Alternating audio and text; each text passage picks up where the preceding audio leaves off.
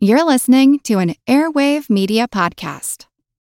Another day is here, and you're ready for it. What to wear? Check. Breakfast, lunch, and dinner? Check. Planning for what's next and how to save for it? That's where Bank of America can help. For your financial to dos, Bank of America has experts ready to help get you closer to your goals. Get started at one of our local financial centers or 24-7 in our mobile banking app. Find a location near you at bankofamerica.com slash talk to us. What would you like the power to do? Mobile banking requires downloading the app and is only available for select devices. Message and data rates may apply. Bank of America and a member FDIC. When you need mealtime inspiration, it's worth shopping Kroger, where you'll find over 30,000 mouthwatering choices that excite your inner foodie. And no matter what tasty choice you make, you'll enjoy our everyday low prices, plus extra ways to save, like digital coupons worth over $600 each week. You can also save up to $1 off per gallon at the pump with fuel points. More savings and more inspiring flavors make shopping Kroger worth it every time. Kroger, fresh for everyone. Fuel restrictions apply. This is Kick Ass News. I'm Ben Mathis.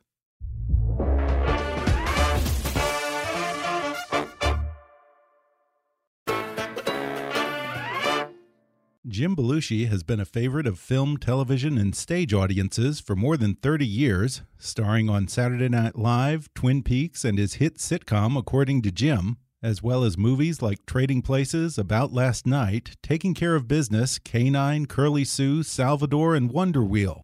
But now Jim Belushi has spent the past few years away from the Hollywood spotlight and on his farm in southern Oregon. Doing what, you might ask? creating a highly successful and acclaimed commercial cannabis empire.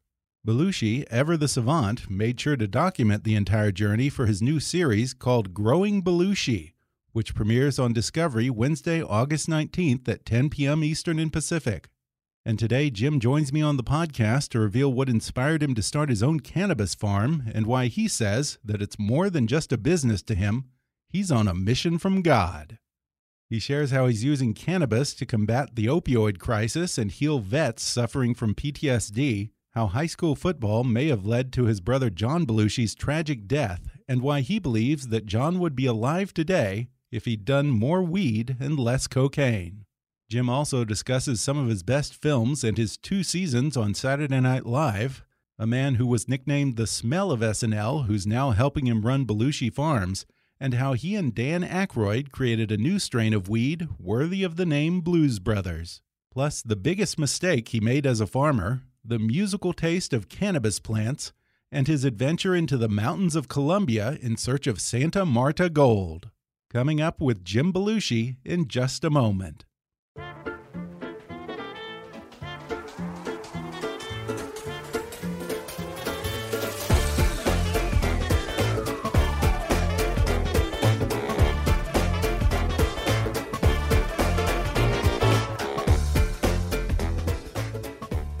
Jim Belushi is a man of many talents actor, singer, dancer, and now legal cannabis farmer.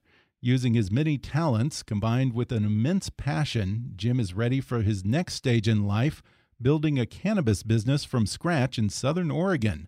And he's documenting it for a new series called Growing Belushi, which premieres on Discovery Wednesday, August 19th at 10 p.m. Eastern and Pacific. Jim Belushi, welcome to the show. Well, thank you. It's good to be here. What a very nice intro. Well, Jim, I mentioned uh, your third talent dancing in the intro because I read it in the press release actor, singer, and dancer. I didn't know about that one. Do you like to cut a rug, well, as they say? hey, I can do a grapevine and a tour jeté into a you know a back roll up kip up. Uh, you know, I consider myself a dancer. I was on Broadway doing Pirates of Penzance. Uh, Oh, really? I didn't you know, know, that. Yeah, and I danced with the Blues Brothers. I mean, I'm sure. ripping on that mm-hmm. stage, mm. you know. But uh, I did suck as a tap dancer in a college musical, though. I was really bad. what was the musical? So all of them would, oh, they heard this, they go, "He's not a dancer." what was the musical? I'm just curious. Uh, it was called uh, the Tommy Tune Show by Megan Terry, a very avant-garde musical. Yeah, very, I kind of remember yeah, that. nobody. Yeah, no, you don't remember that, but I did. I swear I do because Twiggy was in it too, wasn't she? It was like Tommy Tune and Twiggy. I swear to God, I know the uh, my one and only or something like that. I think I don't know. I have a weird musical um, knowledge. well, you know, I watched the other day uh, one of your early films, Salvador, because I just had Oliver Stone on the show, and you were just terrific in that movie. I have to tell you, you're you're so funny in what is otherwise a pretty heartbreaking movie. And Ollie told me that uh, it was a pretty wild shoot too. Do you have any memories from that? Oh yeah, oh yeah, yeah. you know, I was on Saturday Night Live, and he cast me from that. Oh really? The white, the white guy's rap. I don't know how he saw that character and put yeah. me in Salvador. I, I don't know, but I'm like so happy to be in it. I've done two movies that year Salvador and then About Last Night, two of oh, my yeah. favorite movies of my career. Yeah. Yeah, that was great. But he was, you know, he hadn't done Platoon yet. Right. So, uh, you know, he was Oliver, you know, just like Oliver. Yeah. And uh, so Jimmy Woods and I would just you know, teasing to death all the time. Oh yeah. well, he had done a movie called The Hand. Right, with Michael Caine. Yeah. Okay. That was his directing debut. Yeah. Not a not a great film. Right. right. a little so weird. Jimmy and I would be on the set, and Oliver Oliver started, you know, getting, you know, giving us direction that we didn't necessarily agree with. We go, Oliver, Oliver, you know what I think this scene really needs is a hand that comes up right between me and Jimmy. I didn't. I could. I, I'm not good at directing people older than me. And I leave me alone about that. That was my. First. we used to tease him relentlessly, but he was brilliant. Yeah. Uh, I mean, that movie we had no trailers, no makeup. It was guerrilla filming. Sure. Uh, it was edgy, and Oliver wanted to keep us on edge, and we were on edge the whole time we were shooting. Oh yeah, yeah, yeah. It's a really good movie, and you and James Woods actually played real people in that film. You play a guy named Doctor Rock, who's kind of this lovable schlemiel, but I've heard that the real Doctor Rock, Rock, wasn't so lovable, right? Yeah. Okay. Did, didn't you guys get him banned? In, okay. Dr. Rock was, uh, uh, yeah, Dr. Rock was on the set, and uh, I could not, I could not sit with this guy at dinner. He was driving me crazy.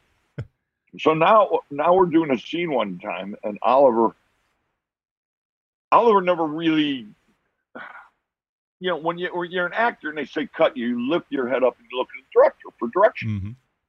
And Oliver would stare at me and shake his head. And I go, what? Do it again. And I do it again.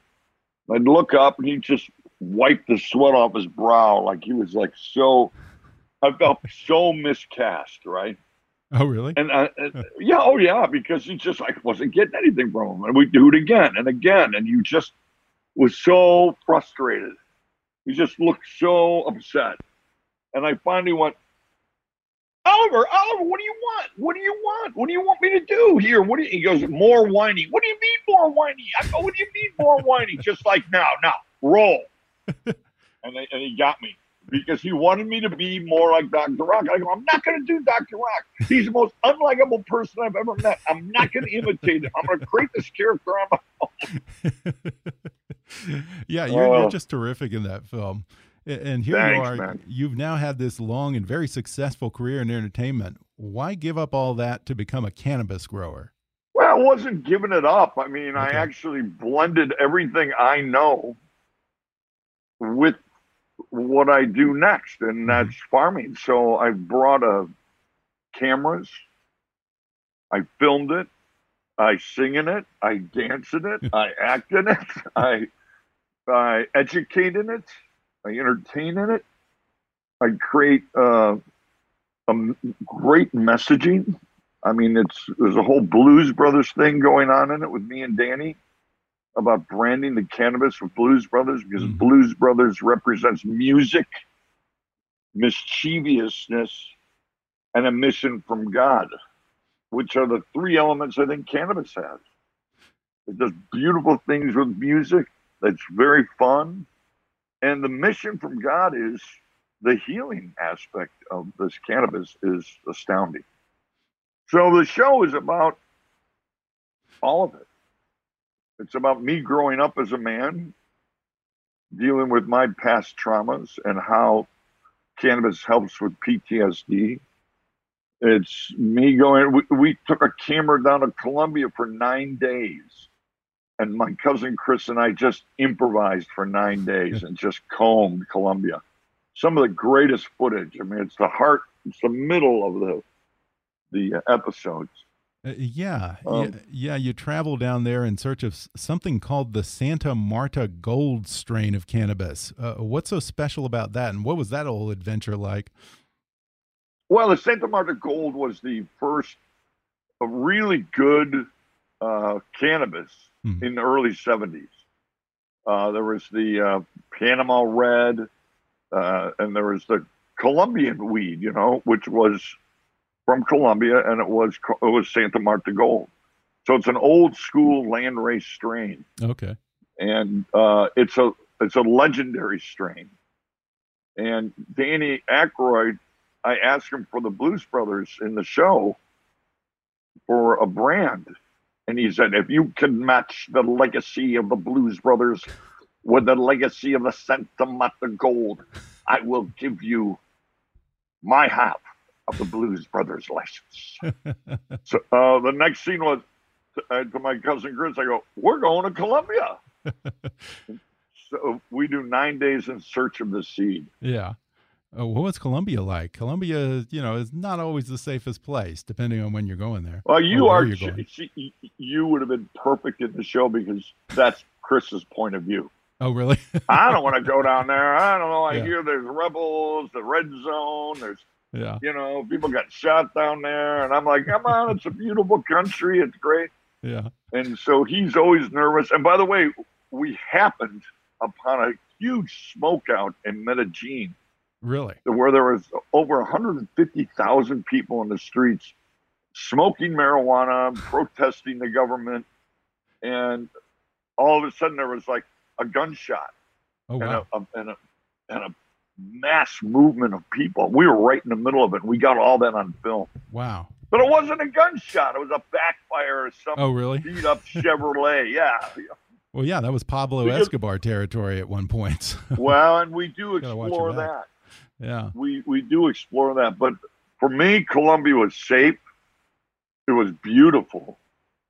Uh, it was the people are very genuine and nice and helpful.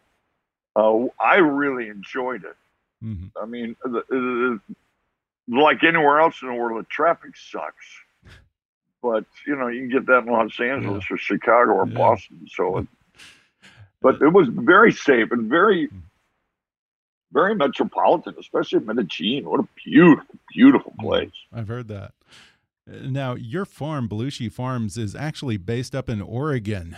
And I would just imagine that the Oregon growers community is probably fairly tight knit. How did they take to the idea of this Hollywood movie star coming up and getting into the business? Did you encounter any skepticism? Well, I began the whole thing uh, under a different name, Rogues okay. Lair Farms. So uh, I, I didn't know what I was doing either. I had a good grower and I was learning. And so I started on another name because I didn't want them to think that I just wanted to make money and I was going to slap my name on something to mm-hmm. rob the community. I was kind of in it for the journey. So for a couple of years, I used a different name, and then it kind of got out that that was me, and I did a lot of interviews. I did. I do a lot of dispensary visits. Visits. So I slowly. They're a tough crowd, but I feel like I've slowly earned my place in Oregon. Uh, yeah, and to your credit, you've also done a lot of great work in the community there. I know that you you helped reconstruct a historic theater and an old mill near where you are. You held a fundraiser for a local blues musician who's wheelchair bound. Uh, you're committed to buying from local farmers was it important for you to not just be some guy who parachutes into town to make a buck, but someone who was really committed to earning the neighbor's trust and having a positive impact on the community around you? You know what? Yes, exactly. I I, I had that opportunity in Oregon um, to be myself mm -hmm. and to do the things that I feel are right and actually have an impact.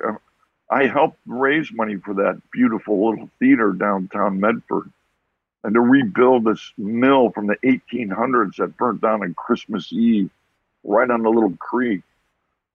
Um, yeah, you know, I was told many years ago, I was with this group of men and we used to all make meals. And at Christmas, we'd go to the LA Veterans Hospital and serve meals, you know. I mean, we'd have like 120 meals. And there was a little veterans band there in the cafeteria, and I jumped up and started singing. And they got real excited about it. And the guys I was with said, Look, Jim, everybody in the world tries to throw a pebble into the pond to create a wave. It's just a ripple. He said, With your status, you have the ability to throw a boulder into the pond and make a big wave. And you should step up to that responsibility and take that on. So the next year, I got my band there. Uh, you know, long story short, for 20 years, we played at the Veterans Hospital. And the last time we played at Christmas, we served 5,000 veterans. The mayor came, Pamela Sue Anderson showed up, Keith Carradine. And, and so now I'm in Oregon, and it's like this theater is a beautiful thing. It's an old, old Fox theater, and it could revive that downtown. And they asked me, I walked in, I went, it's a theater with a beautiful stage with this brings joy and magic to people's lives. Of course, I'd love to help. So I don't know. It just seems all natural to me. Yeah, and just so we're clear, this is not just one of these typical celebrity licensing deals where someone slaps your name on a product and does all the work. You're really running this whole operation and getting your hands dirty, right? Oh, yes. My hands are in the soil. That soil, you know, it's got perlite in it. It's got to have good drainage. It's got to be 64 degrees temperature in order for the micronutrients to absorb into the roots uh, uh, easier, nicer way. We play music in the morning for them we played baby making music, Marvin Gaye, Teddy Pendergrass in the morning. Then we play reggae around noon to two. Then we do a little blues and funk in the afternoon. And then when we harvest them, I play gospel music for them. Ah. So all the girls, they're called girls because they're female plants. All the girls know they're going to the light to serve, to heal, you know, oh yeah, I'm in it. Man. Wow, I'm in it. You I, know your stuff. I'm impressed. Oh yeah, no, no, no, no. I know about yeah. the, there's so much going on in that plant, the THC content, the CBD content, and terpenes, So nobody really talks about, but that's the flavor and the taste. Mm-hmm. And the terpenes are what add to the entourage effect, which kind of blends okay. out the THC, which is a psychoactive ingredient so the paranoia isn't there, the anxiety doesn't come. It chills it out. And so all my girls have high levels of terpene. Um, oh, I can go on and on. I mean, yeah, what I'm do you want to know? Uh, yeah, yeah, no, yeah. I mean, I mean, there has to have been a steep learning curve. I wonder what is the biggest mistake that a lot of growers make, or maybe even that you made along the way. We filmed it. okay, fair enough.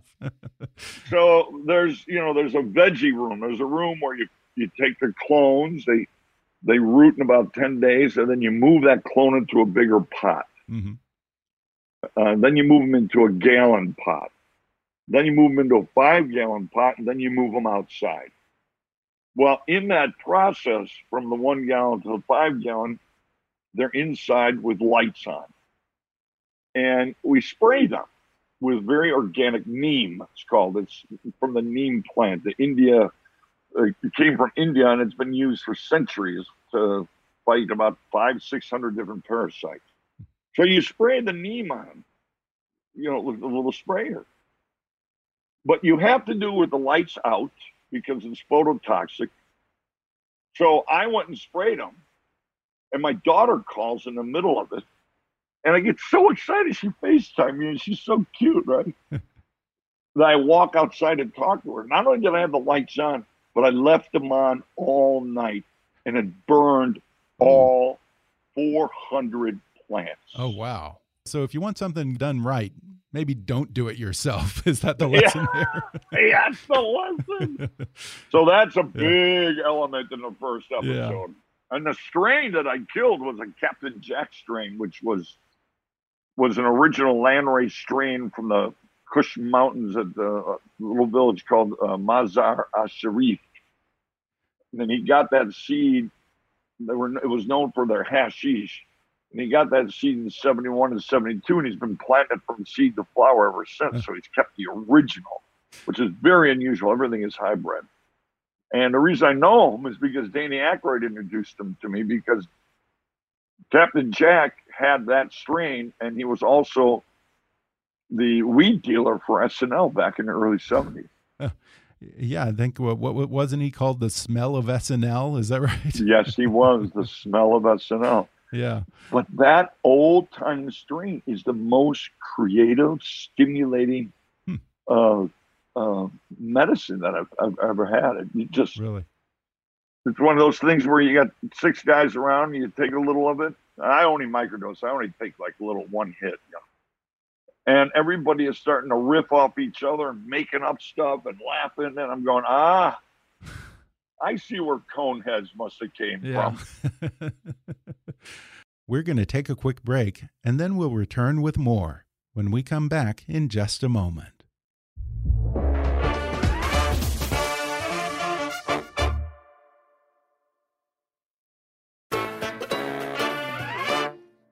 How many different strains of weed do you grow at Belushi Farms, and what is your personal favorite? Well, um, we grow at any one time about six different strains. Black Diamond, OG, which is really I call assisted living. Uh, but wow. uh, my veterans really like it. Oh, really? The friend you were talking about earlier, Johnny Wheels, great blues musician, is paralyzed from the chest down. And from his chest down and his legs, he gets spasms that he can't control. And he likes that black diamond because it stops all those uh, little mini seizures in his legs. Mm-hmm. So we got black diamond, got lemon chiffon, we got uh, bubble mint, great sativa strains grown by uh, Jeffrey Iverson, great geneticist. Um, Blue Dragon, oh God, and we and we just this month brought in some new strains that we're experimenting with. Really? Yeah. Uh, again, I'm I'm on the search for strains that have high terpene values mm-hmm. in them. Now, like Captain Jack has about almost five percent terpenes, and seventy-two percent of those terpenes are something called myrcene. Okay. What is, what is myrcene? Myrcene do? thins the cellular blood vessel, the, the cells in your blood vessels, thins them out a little bit so the THC and the CBD can penetrate a little easier. So the three of them together create that entourage effect. And Mercy, mm-hmm. if you were to smoke a little bit of a joint today, tomorrow have a mango, wait 45 minutes and smoke that same joint, you would almost be three times as elevated. Really? Be- because Why? mangoes have mercy. Okay. Okay. And so mercy. Huh. So that's what I mean. The terpene values are very important in the strain. Okay. So of the six strains that you grow, do you have a personal favorite? So my favorite one is cherry pie. Cherry pie is a lightweight strain because I, I, consider myself a lightweight. Uh, it it's a lower THC, like an 18%. It's got a little bit of CBD and it's got about 3% terpene. So it's just a real, it's like having a glass of wine, but it's not alcohol. and it, and it makes you like, I can talk. I'm like more charming. My wife will chatter, chatter, chatter, chatter, chatter, chatter, chatter, chatter, chatter. and I will listen to it and go, wow, she's so beautiful. so I call the strain the marriage counselor. Oh, perfect. and I sold out of it in two months when I told that story. Yeah. That when I called marriage counselor, women were coming into the dispensaries going, "Where's that marriage counselor? He needs some." now, does your wife agree that you're very calm and charming when you're on it, or is that just in your head? oh, this is the beauty of it. Yeah, she doesn't even know I had it. Oh, okay. Stealthy. You see what I'm saying? See what I'm saying? you can you can actually hide it, you know, yeah. and it's like just like I said, one. I just do one little microdose. Yeah, well, well, that's perfect because I'm sure that there are probably are a lot of husbands who, more than anything, are trying to hide it from their wife when they're yeah, smoking up. Yeah, yeah, yeah. But it's interesting now because uh, one of the leading consumers are women. Really, I didn't know that. That's surprising. Yes. Why is that? Yes, they, they like the vape pens mm -hmm. Because it gives them about a 30 to 40 minute experience and it chills them out. Huh. Uh, you know, they call them mama's helpers now. Oh, that's Soccer great. mom, huh. mama's helpers. Uh, they carry it in a purse and a pretty pen. It looks like an accessory. Uh, yes, and, but also there's another whole element. I mean, there was a woman. I go to a lot of dispensaries. Yeah, and I learn a lot from the consumer. And I mean, there was a woman that had 106 bones broken in her body. Ooh, wow and they gave her a, a you know, just a huge vial of Oxycontin for her pain. Mm. And she just got off of it and went on to cannabis. Really? And she said it just wow. saved her life. It saved her mentality. It saved all the horrible thoughts that those drugs give you. Yeah. That's incredible. Um, oh, yeah. No, there was a veteran I know that had 600 Oxycontin from the Veterans Hospital for his PTSD. That's unbelievable. Got off it. Wow. Got off it. I mean, you don't feel hungover. It doesn't make. It's a non-violent, mm-hmm. you know, uh, medicine. It's it's non-depressing. It's it's actually anxiety relieving. It's it's a look at the That's number impressive. one fear in life is death. Right. And the number two fear in life, collapse of family. So, Mm. what collapses a family? A death in the family, Mm-hmm. a serious illness, epilepsy, Alzheimer's, serious pain, back pain, divorce, losing a big job that you've had. These are traumas that people live with. It's not Yeah. just the veteran, it's everybody. I, I saw I saw a woman on the street in Portland, a little Asian woman walking with a, a little bag and an oversized sweatsuit, obviously from a, a homeless center. And she was screaming in the street so loud you thought she was being knifed in the belly. And I thought to myself, if I could just get her an edible, Mm-hmm. maybe would stop the screaming. Wow. And I thought about it and I said, you know what? We all are screaming inside. But you and I manage it. She lost her management. Mm. Those people on the street don't Yeah. have management anymore. Yeah. And by the way, uh, what do we use to manage our screaming? Alcohol, gambling, workaholics, uh, all the things that we use to manage our Yeah. screaming. Well, I'm saying don't need Xanax, don't need Ambien, don't really, I mean, have a drink. I have a drink once in a while for sure, but don't need to drink for the medicine. Mm-hmm. This is a safe medicine. And this show, I think, is going to show the audience the safety, the organic nature of it.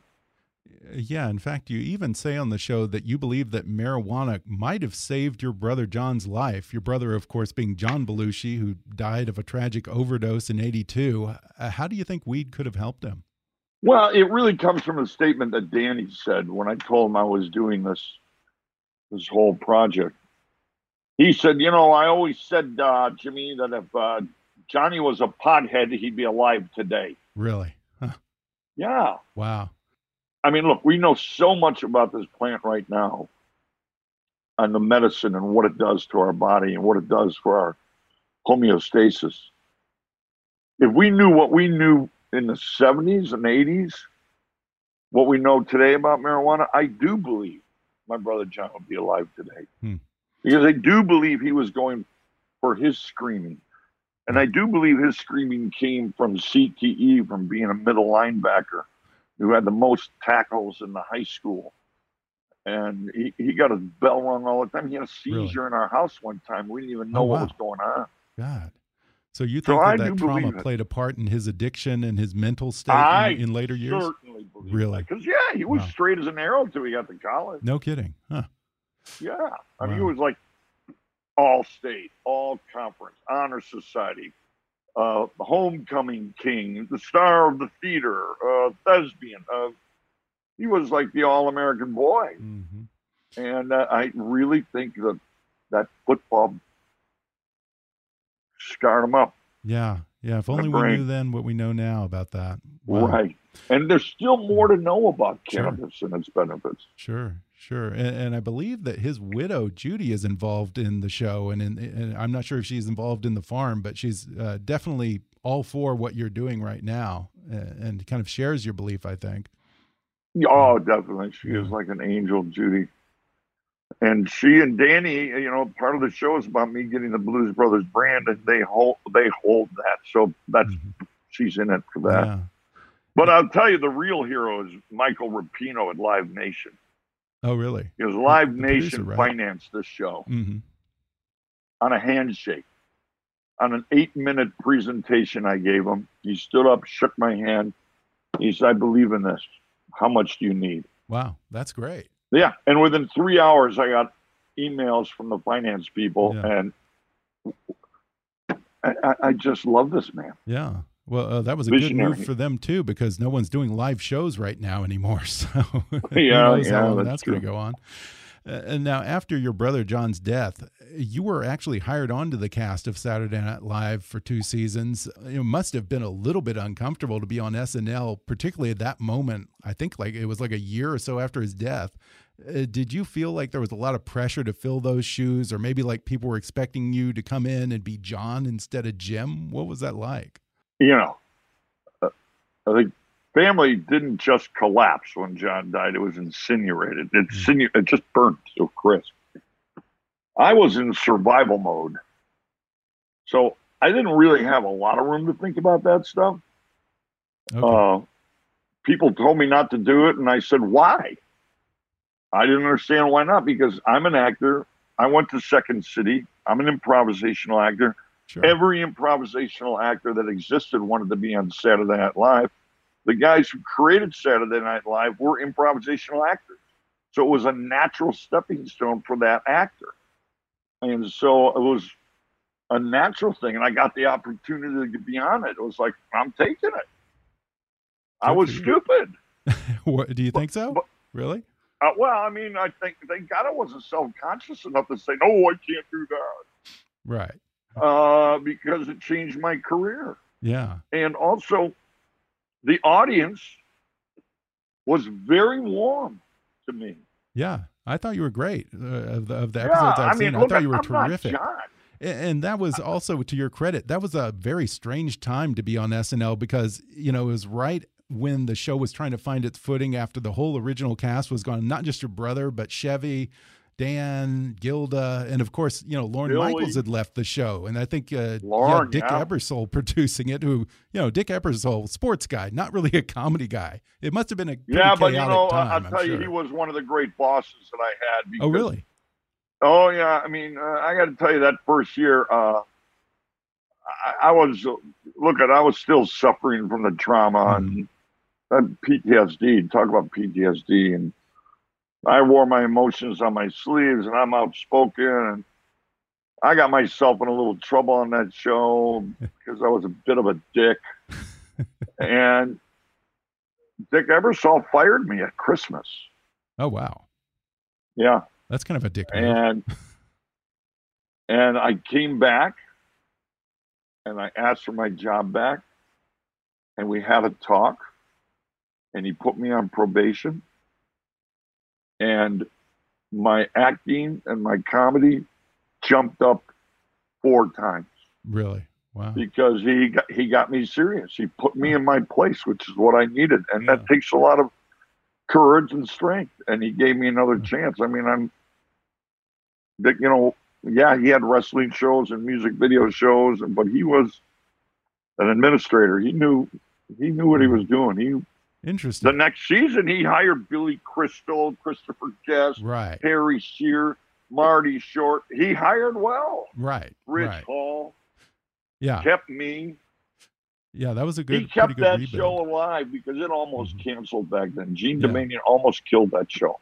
Yeah, it was. It is interesting to hear this because you know, among the people who from that era, uh, or at least the cast, I, I rarely have heard someone praise Dick Ebersol. The, those five years when he and Jean Doumanian were around, have kind of almost been erased from the history. When you know, no, years Lorne was not at all. But Not there, all. there's some good episodes. you he know, was a great manager. Really, He kept that show alive. Hmm. And Lorne came back and has been running it ever since with, with his great, great knowledge and ability. And thank God he has. Mhm. But uh, Dick, Dick saved that show. And now that you've got this big project with Belushi Farms, that's kind of a reunion of sorts. You got Captain Jack, you've got uh, you know John's widow, you got Dan. I mean, Danny. you you have family you're working with, or at least you know people who you've known for years and years. Was that a big deal All right, to let's you go that back to the family original farm? statement. Yeah, The original statement. Biggest fear in life is death. Second fear is the collapse of family. Mhm. yeah, in this show, it's called Growing Belushi. It's not called Growing Pot. It's about bringing the bringing the band back together. It's about bringing the family together through this collapse we all experienced. Danny too, Judy too, Mhm. and even my children feel the trauma that I experienced. really. And it's so there's an underlying theme in this show of uh, just beauty, and it was Mhm. all led by me just falling on this plant and growing and becoming a farmer, and and it's just been it's a the last episode of this show is just so moving to me. I love the show. Yeah, the way you describe it, it really sounds like a family farm. Uh, Is it getting harder for an upstart like yourself to get into the weed business? Are, are big companies starting to squeeze out the new guys and the mom and pop growers yet? Um, that's a difficult question to ask. I mean, um, I mean to answer, uh, I don't think they're squeezing them out because what they are doing is bringing in an influx of capital, which gives people more opportunity. It's like my farm. I've got almost 15 people working there that used to work in the black market, used to grow marijuana legally and sell it. And, you know, they got their hours. They're working with beautiful plants. We're all lovely with each other. It's legal. They're making money. They're paying their mortgages. Their kids are going to school, and they're happy. It's a beautiful. It's a beautiful family. Yeah. So there's a lot of family elements to it, and I think the big money people are trying to figure out a way to make it to the next level. hmm But all the people in the industry, the growers, the budsmen, the, the, the small dispensary owners, they're all the same people. And it's given them an opportunity. Now, speaking of those people who you know originally were working in the black market before it was legalized, I also want to mention that you're doing some great work with a nonprofit called the Last Prisoner Project. Uh, you want to tell us a little Oh, about that? Do you realize there are over 40,000 cannabis prisoners in the United States alone? Really, forty thousand? Yeah.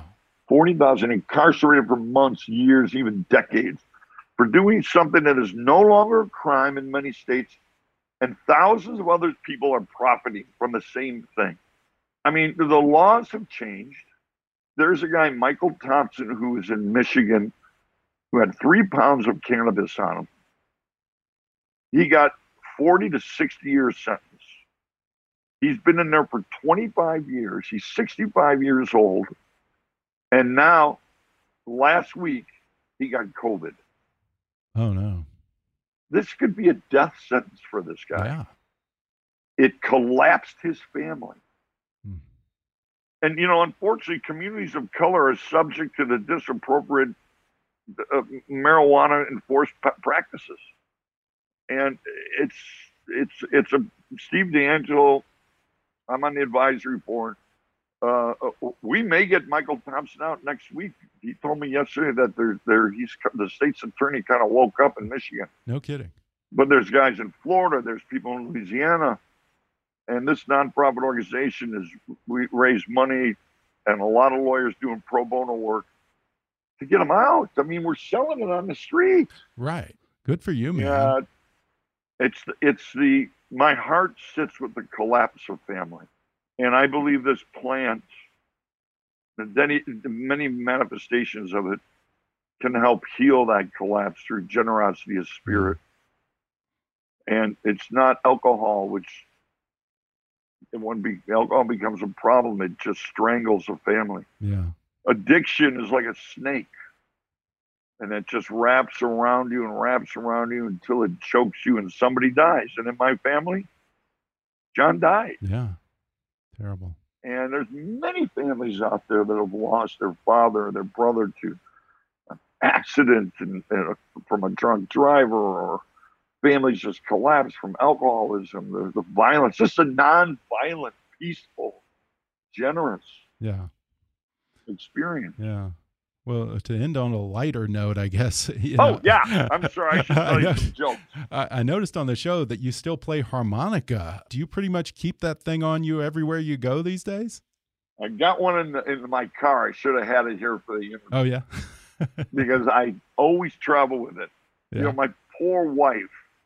She's like, "You're a stage whore." I go, "No, really? I'm a musician." no, you're not. You can't pass the stage without please let me have some of my marriage counsel and We'll carry yeah. on this discussion. so Thanksgiving in Napa Valley in Napa, we have dinner, you know, like the night before or whatever. And the town is celebrating. They have dancers and stuff out in the park.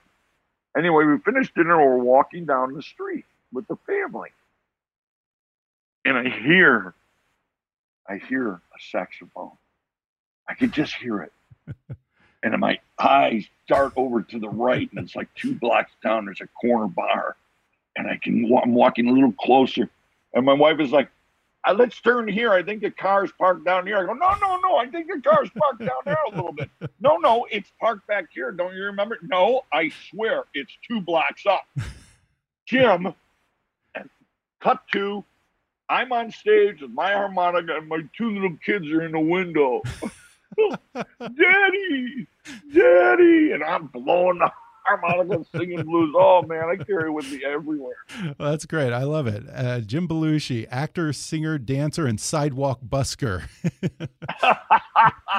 well, once again, Growing Belushi premieres on Discovery Wednesday, August 19th at 10 p.m. Eastern and Pacific.